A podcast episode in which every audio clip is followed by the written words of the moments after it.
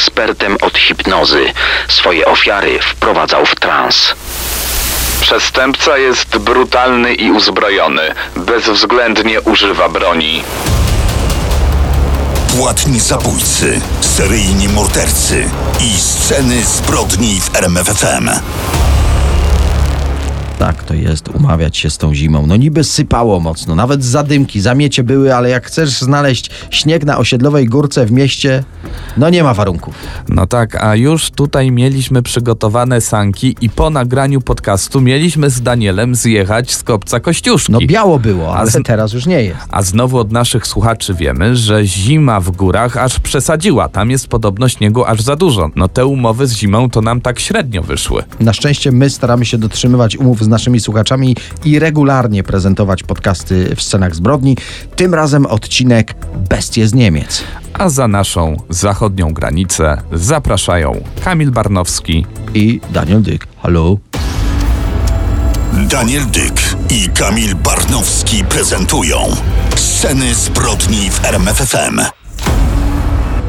Dziś w naszych kryminalnych śledztwach kierunek zachód. Zabieramy Was do Niemiec, by opowiedzieć o najbardziej przerażających bestiach u naszych zachodnich sąsiadów. A będziemy mówili o mordercach, którzy wykazywali się wyjątkową brutalnością.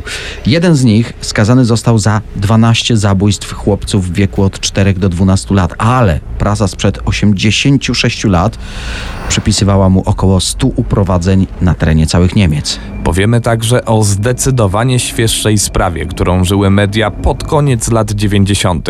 Norman Volker Franz, pięciokrotny zabójca, który nadal przebywa na wolności. Zapraszamy na spotkanie z bestiami z Niemiec, a już za moment wujaszek Tik-Tak. To są sceny zbrodni w RMFFM. Śledź z nami kulisy największych przestępstw. Czas na historię piaskowego dziadka, jak go nazywały gazety. Historię wujaszka Tik-Tak, jak go nazywały dzieci. Jakkolwiek pieszczotliwie brzmią te pseudonimy, kryje się za tym jedna z największych bestii międzywojennej III Rzeszy. Ta historia zaczyna się w lutym 1935 roku. W Schwerin, sporym mieście w Mecklenburgii, otoczonym jeziorami, dochodzi do zaginięcia małego chłopca. Nie mija tydzień i zaginął drugi. Niemiecka policja solidnie, jak to niemiecka policja, prowadziła śledztwo, przesłuchiwała ewentualnych świadków, ale właściwie nikt nic nie widział, nikt nic nie wie, nie udało się trafić na żaden ślad chłopców. Analiza akt pozwoliła jednak odkryć istotny szczegół. Zarówno rodzice pierwszego, jak i drugiego chłopca, opisując w co byli ubrani w dniu zaginięcia, wskazali na marynarskie mundurki. Pewnie nie zwróciłoby to niczyjej uwagi, w końcu to było typowe wówczas ubranie dla chłopców, jednak jeden z policjantów połączył ten fakt i postanowił sprawdzić, czy w tej części Niemiec nie doszło do podobnych zaginięć. Raporty, jakie otrzymał, pozwoliły mu ustalić, że w północnych Niemczech w ciągu ostatnich dwóch lat odnaleziono ciała sześciu innych chłopców. Wszyscy mieli na sobie marynarskie mundurki. Wydawało się, że trafiono na wyraźny związek, który sugeruje, że w tym rejonie Rzeszy może grasować niebezpieczny przestępca polujący na młodych chłopców. Dalsza analiza akt wykazała kolejne podobieństwa. Każdy z tych chłopców zginął na przełomie jesieni i zimy. Ich ciała odnaleziono w sosnowych lasach. Idąc dalej tym kluczem, przeszukiwano zagajniki w okolicy Szwerin i rzeczywiście natrafiono na ciała poszukiwanych chłopców. Teraz należało złapać sprawcę, bo nie było wątpliwości. Podobne modus operandi to kazało postawić tezę, że wszyscy padli ofiarą jednego mordercy. I tu jeszcze tajemniczy szczegół. Otóż zbadano dokładnie ofiary. Na żadnym z ośmiu ciał chłopców nie natrafiono na ślady biologiczne, które mogłyby pomóc w ustaleniu sprawcy. Co ciekawe, nie było także żadnych fizycznych obrażeń, żadnych otarć czy zasinień. To dlatego wcześniej nie łączono tych zdarzeń.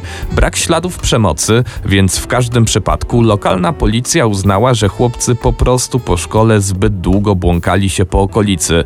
Zaskoczyły ich ciemności, dodatkowo mróz, pogubili drogę i zamarzli w odludnych lasach. Teraz jednak trzeba było znaleźć sprawcę, zwłaszcza, że o sprawie pisały gazety. I pod presją opinii publicznej policja szybko znalazła winnego. Sceny zbrodni w RMFFM. Wejdź do mrocznego świata przestępców.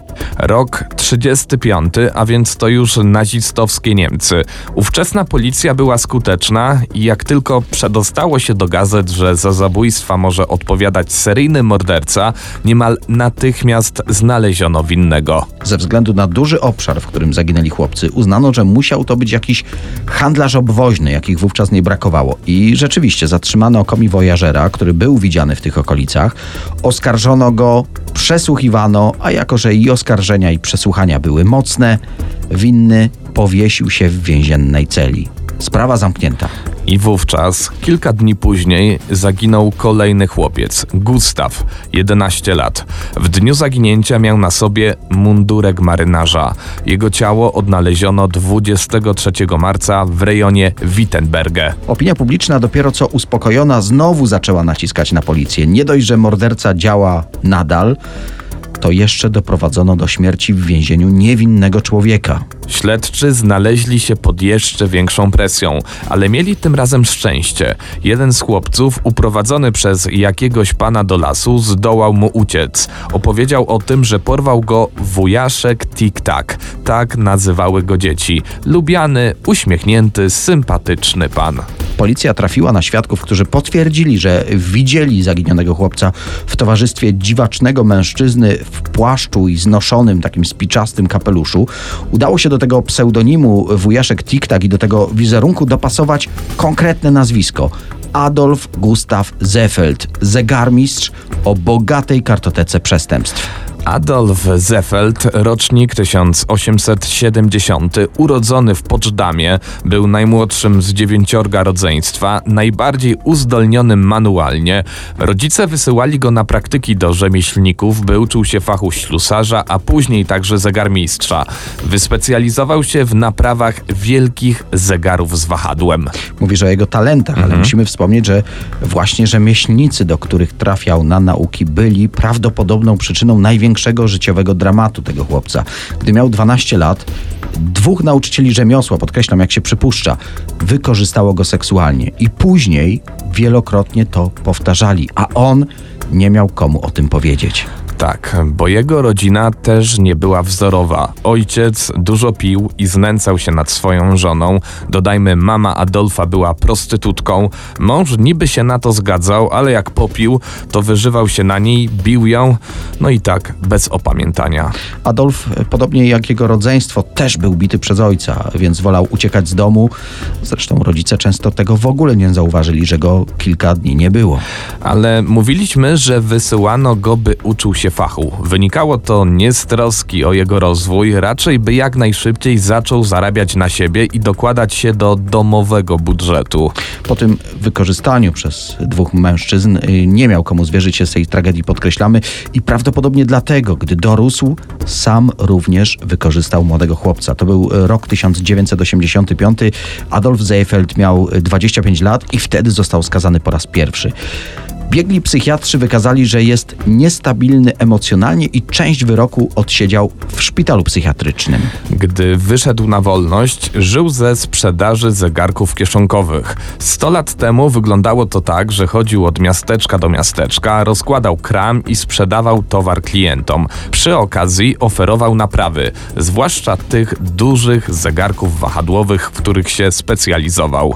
No i właśnie ten handel obwoźny, ten wędrowny tryb życia pozwalał mu przez lata unikać odpowiedzialności.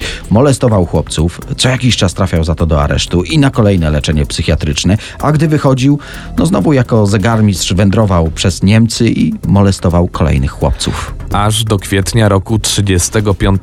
Wtedy został zatrzymany przez policję szukającą morderców chłopców w mundurkach. Zefeld przyznał się do molestowania chłopców, ale zaprzeczał, by któregokolwiek zamordował. Czy więc znów policja pojmała niewłaściwego człowieka, który ze względu na swoje wcześniejsze zbrodnie seksualne po prostu pasował na oskarżonego? Wszystko wskazywało, że zatrzymanego pociągał widok chłopców w mundurkach, zwabiał ich w ustronne miejsca i tam wykorzystywał. Warto wtrącić, że skłonności przeszły na kolejne pokolenie. Adolf Zeffeld w wieku 20 lat przeniósł się do Lubeki. Tam poznał Katerinę, wzięli ślub, wkrótce urodził się ich syn i gdy ten syn skończył 19 lat, sam trafił do szpitala psychiatrycznego za zbrodnie przeciw moralności. W małżeństwie oczywiście już wcześniej się nie układało. Żona winiła Adolfa y, za to, że przez jego skłonności syn stał się wykolejeńcem i dlatego małżeństwo Zefeldów ostatecznie rozpadło się. Był rok 1910. Adolf bez rodziny nie miał już żadnych hamulców i pozwalał sobie na coraz więcej. Starannie wybierał ofiary. Musieli to być chłopcy nie starsi niż 12 lat. Najmłodsza z jego ofiar miała 4 lata. Lubił zabierać ich do sosnowych lasów, ale nie było żadnych dowodów, że mordował te dzieci. Przypomnijmy, na znajdowanych ciałach nie było żadnych śladów przemocy, nie zostali otruci, nie, nie było otarć, śladów duszenia. Jak więc zginęli? Biegli nie potrafili wskazać, w jaki sposób chłopców zabito. Wśród ludzi krążyła hipoteza, że Adolf Zeffeld był ekspertem od hipnozy. Swoje ofiary wprowadzał w trans. I za tą teorią przemawia fakt, że tylko ci chłopcy, których porywał na przełomie jesieni i zimy, umierali. Takich chłopców mogło być znacznie więcej, ale właśnie ci, zostawieni w transie na mrozie, umierali wskutek zamarznięcia. Dla śledczych to nie był wiarygodny sposób. Szukali czegoś, co da się potwierdzić naukowo. Po autopsji jednego z chłopców, 11-letniego Gustawa, znalezionego w sosnowym lesie koło Wittenberga, o czym wspominaliśmy, lekarz uznał, że Został on uduszony. Próbowano znaleźć dowody, że pozostali także, no ale lekarze nie znaleźli jednak żadnych śladów o tym świadczących. Tym razem policja po prostu chciała mieć pewność, że skazany zostanie prawdziwy morderca. Gazety pisały o tajemniczym wojaszku Tic-Tac, o zegarmistrzu, który miał porywać chłopców i zabijać ich w tajemniczy sposób. Prasa nazywała także go dziwnym potworem, piaskowym dziadkiem, a nawet wujkiem Adim. Pojawił się jednak wątek w prasie, że zabójca był czystej krwi Aryjczykiem. No tak, e, przypomnijmy, końcówka lat 30. Pamiętamy z lekcji historii, jakie wtedy panowały nastroje w nazistowskich Niemczech. Stuprocentowy Aryjczyk. No więc sprawa stała się bardzo niewygodna dla władz III Rzeszy i po blisko roku szukania dowodów na morderstwa w końcu postanowiono sprawę zakończyć i sięgnąć po najbardziej bezwzględnych specjalistów od przesłuchań, a zarazem najbardziej skutecznych Geheime Staatspolizei, tajna policja państwowa Gestapo. Gestapo wymusiło sobie znanymi technikami, aby Adolf Zeffeld przyznał się do mordowania chłopców. Miał im wstrzykiwać opracowaną przez siebie niewykrywalną truciznę. Dodajmy, że nie było na to żadnych racjonalnych przesłanek. Jak się przypuszcza, to zeznanie wymuszono torturami. Jednak to wystarczyło, by rozpocząć proces. Do dziś nie zachowało się wiele akt z przesłuchania ani z procesu. Wiadomo, że sąd uznał Adolfa Zefelda winnym 12 gwałtów i morderstw. Podkreślamy, skazano go za 12 gwałtów i morderstw, ale prasa przejmowała, że ofiar było co najmniej 30, a wśród ludzi mówiło się, że uprowadził i wykorzystał około 100 chłopców. 21 lutego 1936 roku skazano go za to na karę śmierci. Prawnik Zefelda złożył prośbę o ułaskawienie, jednak aktu łaski nie było. 23 maja 1936 roku Adolf Gustav Zeffeld, znany jako wujaszek Tik-Tak albo piaskowy dziadek, został ścięty gilotyną w więzieniu w Szwerinie. Przed ścięciem Zeffeld został wykastrowany. Daniel Dyk i Kamil Barnowski prezentują Sceny zbrodni w RMFFM. Gdzie jest Norman Volker Franz? Na to pytanie od blisko 22 lat próbuje odpowiedzieć niemiecki wymiar sprawiedliwości. Niezwykle groźny zabójca w 1999 roku uciekł z aresztu w Portugalii. Odpowiada za śmierć pięciu osób, w tym również dwóch Polaków. Jest poszukiwany na całym świecie i my spróbujemy dzisiaj przeanalizować przestępczą ścieżkę Normana Franza. Urodzony 30 stycznia 1970 roku, o jego dzieciństwie właściwie nie ma zbyt wielu informacji. Wiadomo, że był zdolnym uczniem, nie ukończył jednak szkoły średniej, porzucił liceum pół roku przed egzaminami końcowymi. Odbył staż jako elektryk, pełnił też służbę w wojsku, planował w końcu zdać maturę i pójść na studia. Wybrał Politechnikę w Dortmundzie. Jednak, jak to zwykle bywa w scenach zbrodni, ta historia nie będzie opowieścią o sukcesach naukowych zdolnego ucznia.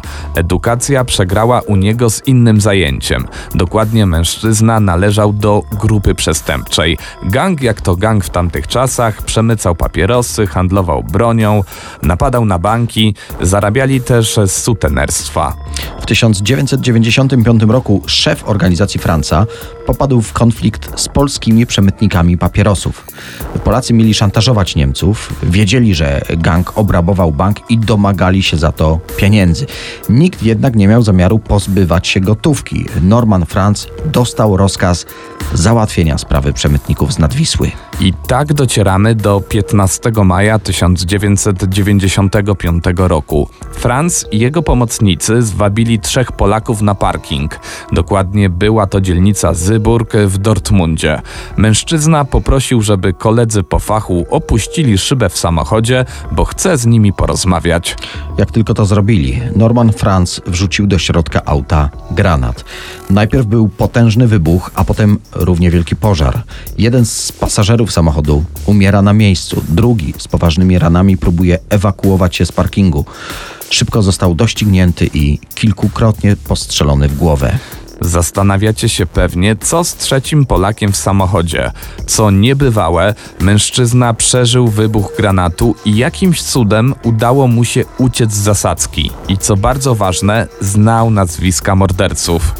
Od tego momentu rozpoczyna się historia Normana Folkera Franca jako niebezpiecznego przestępcy. Razem ze swoją dziewczyną próbuje uciec z Niemiec. Finalnie jednak został rozpoznany i zatrzymany w punkcie poboru opłat na autostradzie.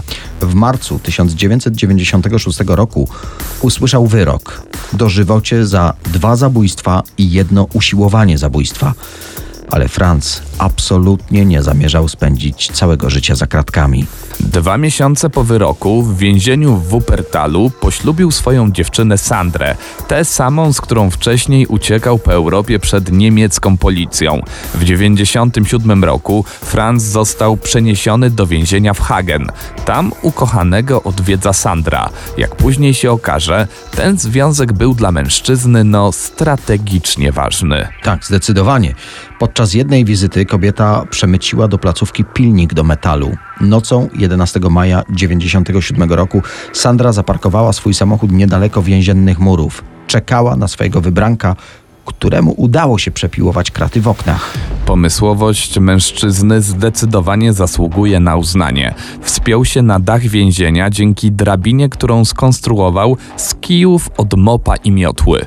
Gdy był już na dachu, zsunął się porynnie. Szybko wskoczył do samochodu swojej żony i odjechał w siną dal. Norman Franz wrócił na wolność. Niestety stał się jeszcze bardziej brutalny. Już dwa tygodnie po spektakularnej ucieczce zastrzelił przed bankiem w Weimarze konwojenta w samochodzie. Z pojazdu kradnie kasę, w której znajduje się 10 tysięcy marek. W napadzie pomaga mu jego żona Sandra, która stoi na czatach. Do kolejnego, jeszcze bardziej krwawego skoku dochodzi dwa miesiące później, 21 lipca 1997 roku w mieście Halle. Sandra i Norman Franz czekają przed znanym hipermarketem. Mężczyzna wie, że w poniedziałek konwojenci odbierają tutaj utarg z weekendu. Gdy ochroniarze kierują się do opancerzonego samochodu, padają strzały. Dwóch mężczyzn ginie od pocisków z pistoletu Franca. Mężczyzna i jego ukochana zrabowali wtedy gigantyczną kwotę 250 tysięcy marek.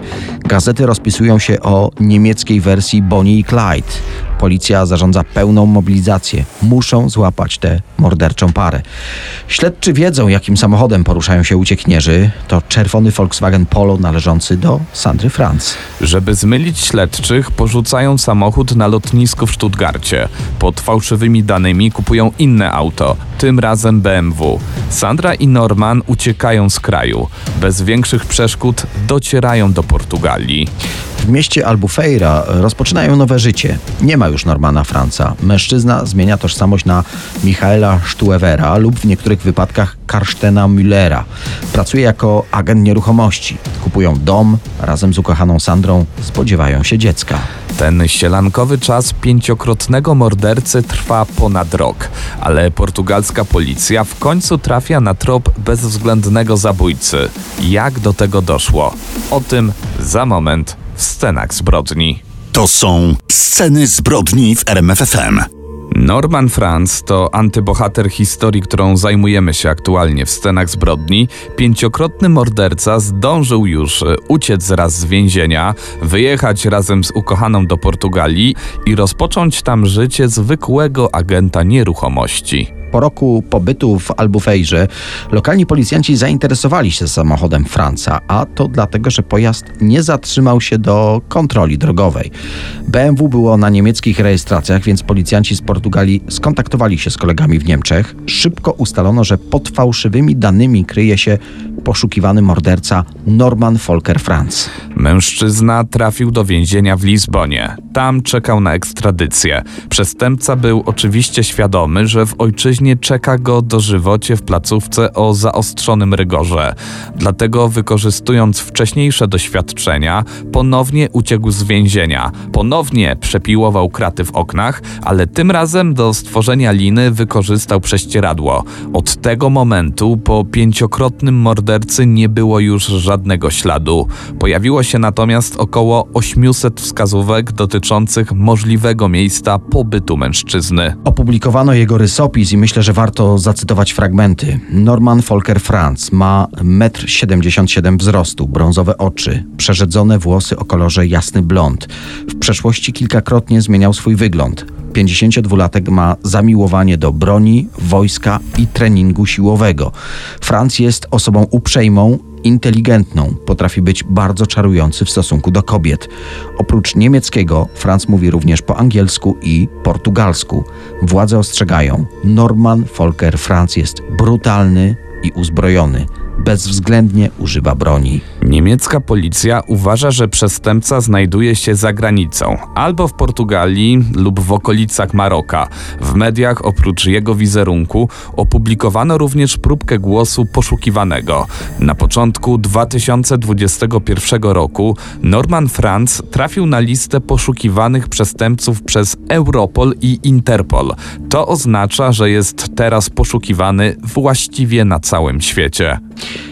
Jest jeszcze aktualny nagły zwrot w tej sprawie. Dosłownie kilka dni temu, w tym tygodniu, 24 stycznia, świat obiegła informacja, że niemiecki turysta miał widzieć w kwietniu 2021 roku mężczyznę, który pasował idealnie do rysopisu Normana Franca. Wielokrotny morderca miał być widziany na karaibskiej wyspie Curaçao. Policjanci tamtejsi sprawdzili ten trop, ale ostatecznie nie wniósł on niczego nowego do sprawy. Miejmy nadzieję, że niebezpieczny morderca trafi w końcu do więzienia, z którego nie zdoła już uciec. Dodajmy na koniec, że niemiecka policja oferuje nagrodę w wysokości 25 tysięcy euro za informacje prowadzące do aresztowania Normana Volkera Franca. Płatni zabójcy, seryjni mordercy i sceny zbrodni w RMFFM.